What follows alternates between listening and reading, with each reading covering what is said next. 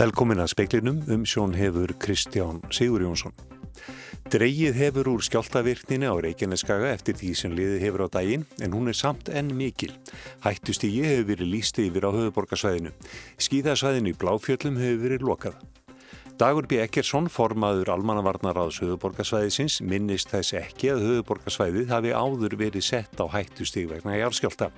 Búa verið sig undir að skjáltar geti orði harðari og nær höfuborgarsvæðinu.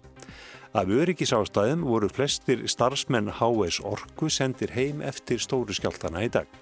Heilbreyðisráðara segir innviði til greiningar leghálsína ekki vera til staðar hér á landi. Hún vil fullvisa konur um konur sem beðið hafa mánuðin saman eftir niðurstöðu úr leghálskimun um að þjónustan verði betri í nýju kerfi. Nærri tveira hverjum þremur starfsmönnum ríkis og sveitafélaga segja að álag hafi aukist eftir að korunum faraldurinn hófst. Bólusetning gegn COVID-19 gengur vel í Breitlandi en ójöfn dreifing um landið ógnar áhrifum hennar. Enn er mikil skjáltavirkni á Reykjaneskaga en síðan klukkan þrjú hafa orðið um 20 skjáltar yfir tveimur að stærð. Sá stæstu um hálf fimmleitið og var hann 3,6. En fjóri skjáltar yfir þremur urðu á öðrum tímanum í dag. Tveir stóri skjáltar, tæplega fimm að stærð, urðu á sömu mínundunni í hátteginu. Stærstu skjáltarnir voru klukkan rúmlega 10 í morgun, 5,7 og annar um halv 11, 5 að stærð. Það hefur dreyið verulegur virkninni eftir því sem liðið hefur á daginn. Skjáltarnir fundust víða á suðvestur Hornilandsins og allt norður í Húnaþing og vestur á Ísafjörð. Hættustigi hefur verið líst yfir á höfuborgarsvæðinu þar sem menn óttast að enn harðari skjáltar geti riðið yfir. Skíðasvæðinu í Bláfjöllum hefur verið lokað. En Þórtís Arljóðsótti fréttamaður er í samhæfingarstöðinni í skólið. Já, hér hjá mér er Víðir Einarsson, yfirlegur þjótt hjá almannavörnum. Uh, ef að það er að draga úr skjáltum, hvenar veit maður, hvenar hættan er liðin hjá? það tekur einhverja daga í þessu tilfelli að, að, að, að fara yfir þetta það er svona við erum að horfa kannski þrjá fjóra daga sem að svona ástand getur varað eftir að þó að dragi úr hrinunum það er þessu óstöðuleiki sem að sem er vísindamenn kalla sem að við höfum ágjur af og, og þannig að það er þó að sé að draga úr þessu núna þá, þá viljum við halda allir viðbúnaði á okkur í einhverja daga Þið hafi hitt og fundað með almannavarta nefndum á svæðunum. Hvað eru, þið, hvað eru næstu skrefa ykkur til þess að vera við öllu búin? Já, við erum svona stöðut endur með þetta. Við vorum að funda núna setjumpartin með almannavarta fólki á Suðurlandi og erum svona að skoða, skoða það hvort við ætlum að hækka viðbúnaðin, þar líka. Það er í gildi Reykjanesi og höfuborgarsvæðinu og þeim lögurglömbættum og síðan erum við að skoða með árnisísluna hvort að við, við færum okkur upp þar líka því að áhrifasvæði skjálta sem að sem að er, gæti verið á milli einhverstað milli klefas og bláhjalla það er, er áhrifasvæðina eru þetta með svona stærri skjáltum er það þetta öst, östur og, og þess vegna erum við að taka árnisísluna allan með í umræðina og erum svona að meta það bara núna hvort við hækkum þar upp á hættusti líka. Þakkaði fyrir þetta Víðir Takk fyrir þetta Þórdís Arljóðsdóttir. Almannavarnar áð höfuborgarsvæðisins sem í eru borgarstjóri og bæjarstjórar á svæðinu helt fund með almannavarnadeild ríkislauglustjóra eftir hátegi. Þar var meðal annars rættum mikilvægi varna gegn tjóni sökum jarðskjálta að fólk hugi að öllu lauslegu og því sem hugsanlega geti fallið bæði á fólk og líka yfir sveppstað og svo framvegis. Það er svo sem ekki hægt að bregðast við eða komið vekk fyrir jærskjólda en búa samfélagið undir það þeir gætu endur tekið sig og jáfnvel orðið harðari og nær höfuborgarsvæðinu. Segir Dagur B. Eggertsson, borgarstjóri og formaður almannavarnar á söguborgarsvæðisins. Hann segir allar viðbrás á allinni til reyðu.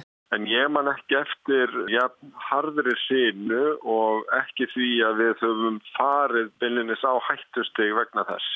Sjálfur var hann stattur í Ráðhúsi Reykjavíkur og fann þegar endurtekinn högg kom á húsið. Hann segir að þannig hafða líklegast verið víða á höfuborgarsvæðinu og sérlega mikið í hafnarferði. Og uh, ég held að við þurfum einfallega að vera bara við öllu búin. Saði dagur B. Eggersson í viðtali við Þórdísi Arljótsdóttur. Flestir starfsmenn HS Orku voru sendir heim af öryggisástæðum eftir stóru skjáltana í dag. Fyrirtæki slappið tjón en ein turbína datt út í tvígang. Jóhanni Snorra Sigurbergsinni, forstuðu manni viðskiptatróunar hjá HS Orku, var brúðið í morgun. Við vinnum auðvitað á virkusvæði, við erum að, við erum að vinna með kraftin í yðrum jarðar, jarðar og við örðu lætur okkur stundu vita því að hún er kröftug. En það sem var óvænt til þetta var að það voru svo margir, margir frekar stórir í rauð. Þannig að okkur var eðlilega bröðið svona á persónlunótonum. Reksturinn og vélarnar sluppu blessunulega en Jóhann Snorri ákvað samt að rýma skrifstofunar. Það er falskt loft í hérna, skrifstofuhúsnaðar okkar.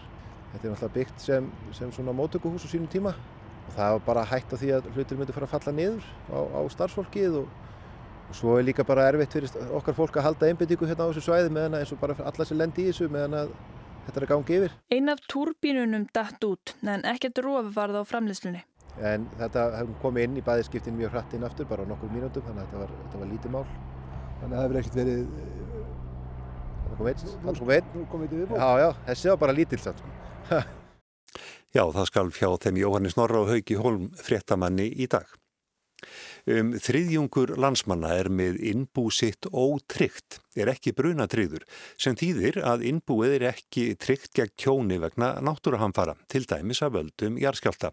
Hulda Ragnhildur Árnadóttir er frangandastjóri náttúruhamfara trygginga Íslands okkur hefur gengið mjög illa að koma þessum upplýsingum til skila og ég held að það sé mjög mikilvægt að fólk hugja að því hvort að einbús og, eða heimilistrygging sé á einbúðalösa huga vegna þess að brunatryggingin fylgir því og yðgjöld til náttúranfara tryggingar eru greitt samhliða brunatryggingu. Og hvað heldur, hversu margir eru ekki með þessa tryggingu? Sko svona með þær tölur sem við höfum þá er það okkar svona mat að það séu um það byl svona einhvers þar að bylnu 30-35% af innbúum sem að ekki eru tryggð gegn náttúruhanfærum vegna þess að þau eru ekki með brunatryggingu. Sæði Hulda Ragnæður Árnadóttir í viðtali við sunnu Malgerðardóttur. Alls sjö eru í gæsluvarhaldi vegna mórsins í Rauðagerði í Reykjavík. Rannsóknmálsins er mjög umfangsmikil og sangant heimildum fréttastofu snýrum meðal annars að mögulegu peningaþvætti og fjársveikum. Fjöldi vittna hefur verið kallaður til skýslutöku og tólf hafa réttarstöðu sagbortings. Fimm voru í dag úrskurðaðir í áframhaldandi gæsluvarðal til meðugudagsins 3. mars á grundvelli rannsóknarhagsmuna. Alls eru því sjö í gæsluvarðaldi meðal annars Íslendingur á 50 aldri sem hefur verið sagður umsöga mikill í undirheimum. Þá er ein kona meðal þeirra sem sæta gæsluvarðaldi. Sem fyrr heldur lauröglan spilunum þétt að sér enda er rannsóknmálsins flókin og mjög umfóngsmikil. Sakvæmt heimildum fréttastofu snýr rannsóknin meðal annars að mögulegu peningaþvætti og fjárhætti fjársvikum. Margeir Sveinsson, aðstóðar yfir lauruglu þjótt, segir að lauruglan telli sig hafa nokkuð skýra mynd af því sem gerðist í rauðagerði. Já, við erum svona ná utanum þetta og hérna teljum okkur vera komnið með svona þokkalega mynd. Við þurfum náttúrulega uh, fá skýringar á ymsum þáttum en, en teljum okkur vera komnið með svona þokkalega myndið yfir, yfir það sem gerðist. Sagði Margeir Sveinsson, Freyr Gíja Gunnarsson tók saman. Heilbriðisráþra vil fullvisa konur sem beðið hafa mánuðum saman eftir niðurstöðu úr leghálsskimun um að þjónustan verði betri í nýju kerfi. Hún segir innviði ekki til staðar til að greina síni hér. Þegar Hilsugjæslan tók við leghálsskimun af krabbaminsfélaginu Márumótin var ekki búið að semja við dönsku rannsóknastofuna sem nú greinir síni frá Íslandi. Um 2000 síni sem tekin voru á leitarstöðu krabbaminsfélagsins í november og desember lendu þjófan í kassa og dæmum að konur hafi beðið í fjóra mánuð eftir niðurstöðu. Í fréttum sjónvasi gæri var rætt við áhyggjufullar konur sem segja stöðuna óbúðlega. Það er auðvitað slæmt ef að uh, áhyggjur hafa vaknað við þessa breytingu en við höfum öryggi uh, og helsu hvenna að leiðaljósi í hverju skrefi segir Svandís Svavastóttir. Þjónustan verði aðgengilegri, örugari og hraðvirkari. Í gerðkvöldi tilkynnti forstjóri heilsugjæslunar á höfuborgarsvæðinu að heilsugjæslan hefði postlagt 2300 svarbref. Konurnar gætu því átt vona á svörum á næstu dögum. En hvers vegna var ekki búið að semja um greiningu sína þegar heilsugjæslan tók við?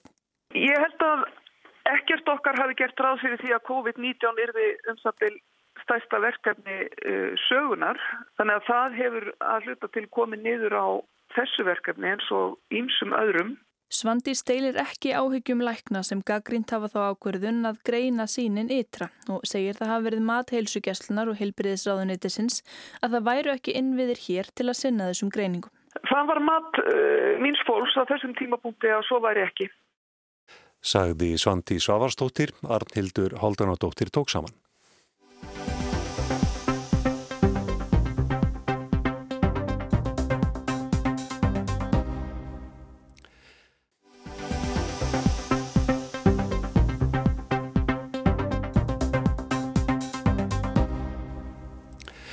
Freysteit Sigmundsson, jarðeðlisfræðingur hjá Jarðvísindastofnun Háskóla Íslands. Velkomin í speilin. Takk.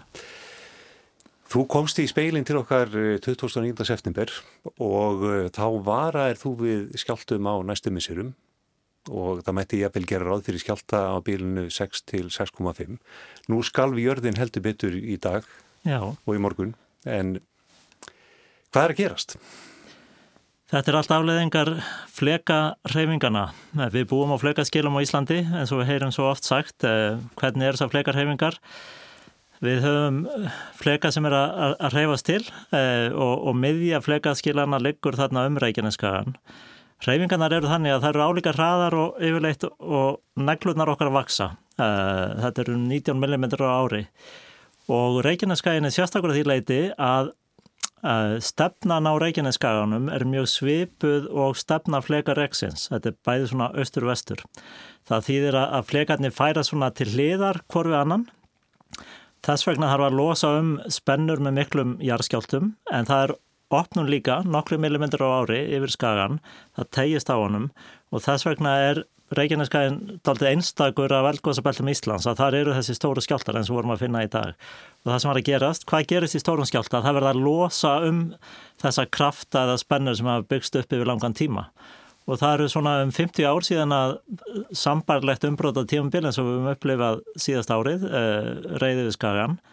Og það er þá kannski á þessum 50 árum sem að þessar hægu reyfingar hafa byggt upp krafta í járskorpunni og núna í dag losnaðum heilmikið af þessum kraftum. Eh, þýðir þetta eh, sko að spennan hafi minkað að það séu þá minni líkur á stærri skjáltum á næstunni? Það er, eftir hvernig á það er hort, eh, fyrir einstakst svæði, ákvörðat þar sem upptökin á þessum skjáltum í dag voru á svæðinu frá Kleivarvatni eiginlega að Grindavík. Þar hefur spennan minkað í, í dag. En ástæðan fyrir hættustígin og þessum við, mikla viðbúnaði núna er það er eitt svona svarti pjætur í þessu, eitt möguleiki, eins sviðsmynd sem við verðum að horfa á að, að það er að, að næsta svæði við hliðin á, eiginlega svæðið eh, sem við kallum brennistensfjöld, sem er, sem er austan við Kleifarvatn, að, að þar komi þessi skjáltið sem væri þá gæti orðið umtalsað starri en við höfum fundið í dag. Mm. Og uh, sagan, Jarskáltasagan segir hún okkur það, að það komið til með að gerast? Hún segir okkur að það muni gerast einhvern tíðan, það gerist tviðsvar á síðustu uh, að það var stór skjáltið þarna á, á starðinni 6-6,5 uh, síðast 1968 og það hefur gætna gerst í svona umbróta tímabilum í þessum tveimur tilveikum á, á síðustu öll að, að þessi, þetta svæði líka brennisteinsfjöllin að, að það losnar um spennur þar uh, með eh, líklega svona einum stórum skjálta sem yfirgnæfir, það eru þessi stóru skjálta sem að yfirgnæfa spennu útlósununa og, og þess vegna þurfum við að hafa varan á okkur. En það sem er náttúrulega sérstakt í, í, í dag og við atbyrðin dag að þá kannski við um, um flest okkur hérna á höfuborgarsvæðin og þá kannski flesta landsmenn að við höfum aldrei fundið svona marga stóra skjálta sama daginn. Eh, þetta eru í rauninni með kraftur í hreinum og, og engin á henni er ekki bara eitt stór skjálti heldur margir stórir. Já. Eh, það töluðu margir um uh, mismunandi áhrif af þessum skjáltum í dag og síðan skjáltarum sem var 20. oktober sem var Já. svona svipaður á stærð. Já. Hvernig stendur það því? Já, það er einmitt talað mikið þá líka um innbyrðis mun á milli skjáltana í, í dag, hvernig þeir fundust. Eh, skýringin á því er uh, tvíþætt. Uh, lítilsáta breytingi staðsetningu á, á misgengi sem að reyfist getur valdið þessu Uh, upptökin geta verið upptaka munstrið að reyfingarnar geta verið aðeins og það er þannig að þegar við höfum miskengi sem reyfist þá geistlast orkan svona út í ákveðnar áttir. Þannig að það getur verið mikil breyting. Þó þú reyfir jarðskjálta eða, eða færir jarðskjálta flöt bara til um, um nokkra kilómetra þá getur það haft umtalsverð áhrif á hvernig hver og einn einstaklingu finnur skjáltana því að, að orkan hún geistlast svona í ákveðnar áttir frá miðskengisfletinum. Mm, þannig að þetta sumir virðast þá finna þetta sem bara högg og aðrir eru veginn öðruvísi. Já, uh, og, og, mismundi langir, mismundi sveiblur, mismundi sterkir Uh, litlu kaffestofunni, sífældu tetringur, uh, þa þetta er allt eðlilegt en það skýrist af mismöndi upptakasvæði og hugsanlega mismöndi sko uh, nákvæmlega hvað gerist í skjáltunum og það verður ansaka. Við höfum fleiri aðferðir en skjálta, við getum mælt jarðskorpur heifingar, við höfum ímsar aðferði til þess, bæði mæltæki og jörðin og gerfitungl og það munur koma meira upplýsingar á næstu dögum um hvað gerðist nákvæmlega í þessari reynu í dag. Mm. Þú talar um beig í fólki, er, hann, er ástæða fyrir fólk til að vera óttaslegið? Sko við náttúrulega búum í, í landi náttúruhamfara og uh, það múr líti á það á jákvæðan hátt að núna losnaði mjög miklega spennu sem búið að vera sapnast upp þarna síðust áratvíuna. Skilabóðan okkar eru þau að við þurfum alltaf að vera viðbúin kannski þeirri sviðsminn sem getur verið hvað alvarlegust og hún sé kannski ekki við vitum ekki hvort hún gerist, þá er ég að tala um þennan enn starri skjálta.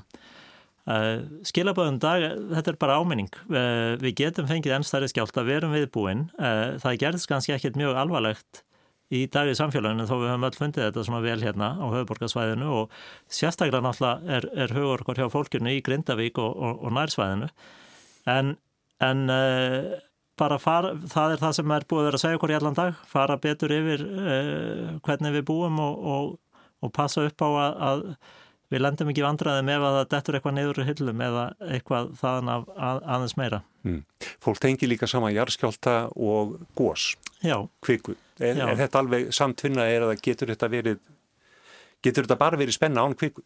Já, þetta getur verið allt án kviku það sem gerist í dag það þarf endar að skoða aðeins betur og það eru svona ymsa vísbendingar um að það sé mjög náið samspil á milli jarðskjálta og kvikurhefinga á Reykjaneskan og kannski einmitt út af þessu uh, sérstæðu uh, stefnu flekareks með að við stefnu skagans í heilt uh, að þá eru þá er þetta svona meira náið samspil á milli mjög stóra skjálta eins og við fundum í dag og kvikurhefinga þannig að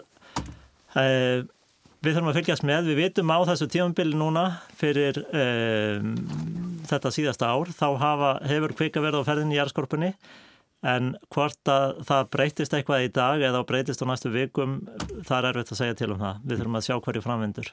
Það kom fram í viðtali við Víðir Einarsson hér fyrir réttímanum að eh, nú er svona álrunni sísla undir, Suðurlandsundirlindið er undir. Já. Eh, er það út af þessu sem við varst að tala um, um þetta svæði þarna millir Kleifar, Vass og Bláfjalla. Já, það er í rauninni, það, það er ástæðin. Þá er, þá er, ef að það verður þessi stóri skjálti þar, þá er hann orðin nær uh, byggðin á Suðurlandsundirlendinu og því full ástæði til að, að, að fólk hafa varan á sér. Nú þurfum við bara að sjá hverju vindu fram. Uh, við hefum kannski undirbúið okkur undir þessa verstu sviðsmynd en bara lefa okkur að vona það besta. Mm. Rifjaði aðeins upp fyrir okkur þessi skjált í dag, hann er 5,7. Þú uh, segir að við getum búist í skjálta á bylunum 6 til 6,5. Hver er munurinn í hristingi? Hann er orðin talsverður. Uh, hann er, hann, hann er umtalsverð starri og hristingu getur verið meiri og við sáum það kannski í dag og sáum það bara á, á hillum í húsunum okkar og annað sem titraði hjá okkur að það má ekkert mikið meira að gerast til að það, það rinni umtalsvært meira úr hillum. Það geta komið uh, skemmtir í hús, það geta, uh, það er ekki, við erum ekki að tala um, ef allt gengur vel, þá á, þá á þetta ekki að valda okkur uh, heilsutjóni, en það geti verið mjög viðtakar minniháttar skemmtir. Svona ef við hugsaum um Reykjavíkusvæðið, náttúrulega ef við hugsaum um það sem er allra næst innviði, virkun uh, og annað uh, þá erum við svona, við fundum það í dag að við erum ansið nálægt einhverju mörgum held ég, við fundum það bara á okkur og við erum að undirbú okkur um að það geti gerst eitthvað aðeins meira. Hvenar? Það er erfitt að segja. Það er þannig að þegar að svona miklar, þegar við höfum svona skjáltansvita þá eru miklar staðbundna breytingar á, á spennum í jærskorpunni og þess vegna kannski farið yfir þetta hættustíg að, að með, með það í huga að það geta eitthvað meira gerst bara á allar næstu dögum. Sagan segir okkur kannski ekkert endilega nákvæmlega hvenar þetta er. Hún segir okkur að þessi virkni tímabil, þau geta varað í, nokkur ár og í rauninni þetta virkni tímabil fyrir 50 árum, það stóð miklu lengur en við erum búin að sjá núna síðasta árið. Þannig að, að það er ekki á vísan að róa með það, spennur á ákveðinu svæði eins og í brennisteinsfjöllum, þar getur líka að hafa breyst árið 2000 þegar hjálpskjálfnum voru á Suðurlandi og þá vitum við að það voru hreyfingar og miskengum til dæmis undir kleifarvatni þegar það lækkaði kleifarvatni. Þannig að, að kannski hefur það létt á einhverju, þannig að við, við getum ekki sagt til en við, við getum sagt að við þurfum að vera viðbúin þeirri sviðsmynd að, þetta, að það, það getur orðið stærri skjálta en við fundum í dag. Freistið Sigmundsson, takk fyrir komuna í speilin. Takk.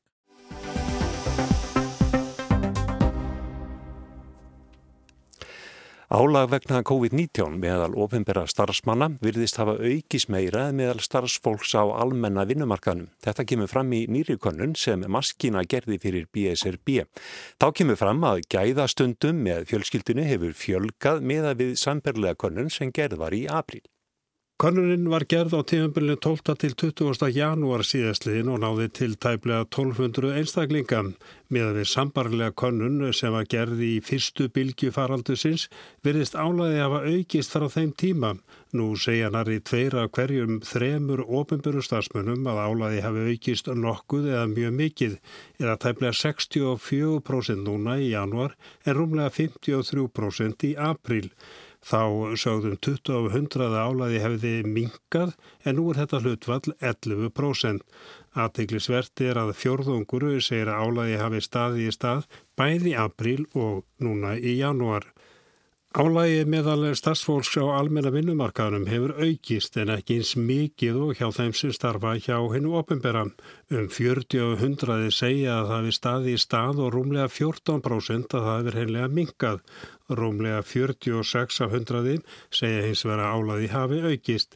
Ef miðar við svörun í apríl meðal starfsmann á almenna vinnumarkaðinum virðist álæði hafa aukist nokkuð og helmikið færri segja nú að það hefði mingað með við í apríl eða þegar við vorum í fyrstu bylgu faraldusins. En þetta er ekki allt niður á við því spurt var um fjölskyldu lífið. Réttæflega 60% segja gæðastundum með fjölskylduna hafi fjölgað með að við 50 á 100 í apríl. Um fjörðungur segir bæði nú og í apríl að ástandi sé óbreytt. Fjöldi gæðastunda með fjölskylduna hafi staði í stað. Aðtikli vekurannar í fjörðungur sagða gæðastundum hafi fækkað í vor en nú er hlutvallið tæplega 15%. En hvernig skýri Sonja Ír Þorbilstóttir, formað BSRB, að samkvæmt könninni er álæði meira meðal ofinbæra stafsmanna en þeirra sem að starfa á almenna vinnumarkaðinum? Já, við höfum bent á það frá því að faraldurinn hófst að álæði hefur náttúrulega aukist hjá ofinbæra stafsmannum og þeim sem eru í framlýni baráttu við faraldurinn og þetta er þetta mikið áhugi efni og við höfum lagt miklu áherslu að þessi bröðust við, að þessi fyrirbyggjandi aðgerðir til þess að verði ekki langtíma neikvað áhrif á einstaklingarna sem eru undir álægi svona langan tíma. Já, hvernig á að bregðast við? Það er alltaf fyrsta skrifið kannski að lokinni hverju bylgu er að tryggja þeim endurheimt og kvíld en, en síðan er hægt að gera með fjöldþættum stuðningi eins og með sviðtölum eða með því að auka kvildina. En nú kemur ljós að já, gæðastundum með fjölskyldunum virðist að fjölgað með að við í vor eða fyrstu bylginu. Já, það má geta sér til um að það sem að hafi áhrif þar er þetta þegar að falla niður frístundastarfin hjá börnunum og, og tímin í skólastarfinu stýttist einhver leti að þá sé samveru tímin meiri og, og fólk hafi svona hægt á sínu tempói, fólk er að hægt að sinna sínu aukarlega og þá náðu fjölskyttan að vera meira saman. En svona megin lærdómurinn af þessari konunu, Sko í grunninn er verlegt áhyggjörni þetta aukna álag og það þarf að breyðast við því og við vitum það líka að ofinbera var skorið mjög brætt niður eftir hrunið þannig að álagi var talsast mikið áður en að koma að faraldurinn. En síðan kannski er þetta líka á hvernig leggsa ég því að við höfum gott að því að hæja á okkur og, og reyna að nýta tíman betur með þeim sem okkur þykja vænstum. Þetta var Sonja Ír Þorbergsdóttir, Arnar Páll Haugsson talaði við hana. Það er búið að bólusetja. Afsakið þetta, en það er búið að bólusetja tæplega þriðjung breyta einu sinni og í auksín að byrja að létta á núverandi hömlum. En nú blasa við önnur vandamál, hvernig megi hindra veiran blossi upp aftur með tilhengandi lókunum og svo hvernig, eigi að tryggja nógu margir láti bólusetja sig. Það er ábyrjandi munur á andrúsloftinu í þessari þriðju lókun í Englandi sem nú hefur staðið frá því desember og svo fyrstu lókun í fyrravor. Margir kostuðu sér þá út í þessar nýju aðstæðar af krafti, nýttu tíman í margt og mikið. Efni byggingarmörkuðum seldist upp, kveitu og bökunarvörur hurfu úr búðarhillunum eins og hendi veifað, netkjensla í öllu mögulegu blómstræði og bóksala meiri enn í mörg ár. Nú er þessi kraftur upp urinn. Búið að lesa ólesnum bækurnar, fólk hort á skjáefni eins og þau getur torkað og hýpilinn orðin fín. Andrumsloftið fremur þetta að þrauka og hlaka til sumarsins. Áallunin um opnun landsins sem Boris Johnson fórsætsráður að breyta kynnti þjóðinni á mánudag gerir ráð fyrir tilslökunum hægt og bítandi á fimm vikna fresti frá því skólarnir opna 8. mars þánga til allt verður opið setni hluta júni. Forsætsráð þeirra sagði í þinginu á mánudaga hann gerði sér fulla grein fyrir hvað ástandið væri mikið álag á fólk og fyrirtæki á andlega og líkamlega velíðan fólks. And that is why it is so crucial that this roadmap should be cautious but also irreversible. Það yrði því óhjákvæmilega að farið varlega en líka undirstreikaði forsætsráð þeirra það yrði ekki aftur snúið. Það er Áætluninni yrði ekki snúi við, stæði ekki til að fara aftur að loka. Algjört stórmál í Breitlandi einmitt að því tilfinningin er að hömlurnar síu endalösar og sí endurteknar. Á skólagöngu krakka að geta komið saman. Flækjustígið líka ærið því reglurnar er ólíkar eftir landslutum. Allt giska þungbært. En spurningin er vissulega hvort fórsætsráður að geti gefið fyrirheitum að nú muni allt gangu upp. Nei, vissulega ekki. Því ef veirutilfellum snarfjölgaði nú allt í einu, sjúkurásin kemist í vanda, döðsföllum stórfjölgaði, yrði auðvitað að snúa við, herða hömlutnar aftur. Brettar eru þó tilbúinir að vona það besta. Flugpantanir skutust upp um mörg hundru prósent strax eftir að áallun um opnanir var kynnt. Kanski ekki alveg það sem stjórnin vildi, innaríkisráð þegar hann segir, en ofsnemt að bóka ferðalög.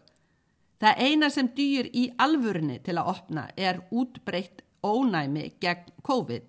Hjarð ónæmi var mikið rætt í upphafi COVID-19 faraldursins, hvort það væri rétt að láta sem flesta veikjast til að mynda hjarð ónæmi. Sem var nokkuð sérkjænlegu umræða þar sem hjarð ónæmi hefur í marga áratugji verið myndað með bólusetningu, ekki faraldri. Nú þegar búið er að bólusetja tæplega þriðjung breyta einu sinni, eru áhrifin af bólusetningu líklega farin að koma í ljós. Það hefur greinlega dreyið úr tilfellum í hópum sem hafa þegar verið bólusettir. Bendir til ónæmis þar. Þrátt verið jákvæðar vísbendingar er kvartning vísindamanna svo að fara nú samt varlega, ekki sleppa um og fram af sitt beislinu. Eins og aðstóðar landlæknir Englands, Jonathan Van Tam, bendi á í morgun. we need further data on how long immunity or protection will last after people have had these vaccines. And we will have to take into account the emergence of new variants of the coronavirus over time. Það þarf meiri upplýsingar um hversu lengi mótefni endist, það er áhrifin af bólusetningunni, saði læknirinn, eins hvort bóluefnin dugi gegn óhjákvæmilegum veiru afbreyðum. Það eru að meðaltali um 200.000 manns bólusettir daglega nú heldur færri en í liðinni viku. Bólusetning myndar hjarð ónæmi hægt og bítandi þó hún gangi vel í Breitlandi er að koma í ljós að dreifingin yfir landið er ójöfn. Minstrið er að þar sem býr þokkalega stætt fólk eru mun flerri bólusettir en á svæðum þar sem efnaminna fólk býr. Ef þetta verður útkoman má hugsa sér að veiran býti sig fast á afmörkuðum svæðum sem ógnaði þá áfram stöðunni í landinu öllu. Boris Johnson viðræði þann möguleika að staðbundnum lokunum yrði beitt ef þyrti. Óvinnsælt ráð sem dögði reyndar ítla í haust. Eitt ráðið gegn þessu bólusetningar misræmi millir svæða væri einfallega ganga í hús og bjóða fólki bólusetningu. Vissulega ekki ókipis en þó ódýrt í ljósi þess hvað það mun í raun hafast upp úr að bólusetja sem allra flesta. Sem er, eins og er, eini raunsægi möguleikin til að hindra nýjar öldur smita. Sigrún Davísdóttir saði frá. Við minnum á öflugan skjáltafréttatíma klukkan 19. sjónvarpi og klukkan 22. í útvarpi. Fleiri er ekki í speklinum. Markus Hjaltarsson sendi út veriði selv.